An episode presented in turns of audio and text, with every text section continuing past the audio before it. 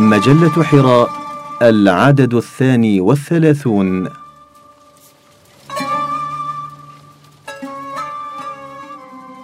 النحل خبير التكييف بقلم نور الدين صواش.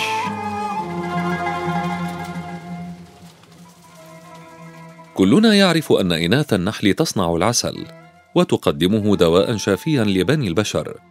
ولكن من منا يعرف أن النحل تستخدم المكيف عند شدة الحر والمدفأة عند شدة البرد.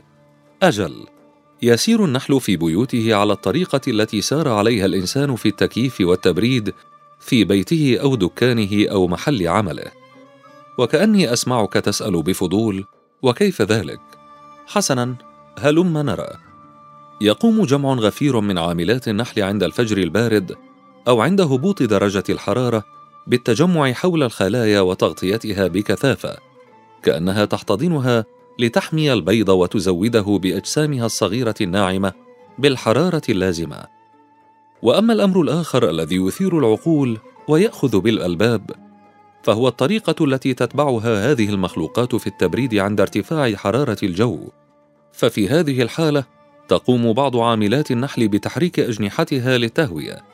فيتشكل على أثرها تيار هوائي يتم من خلاله دفع الهواء البارد إلى داخل الخلية.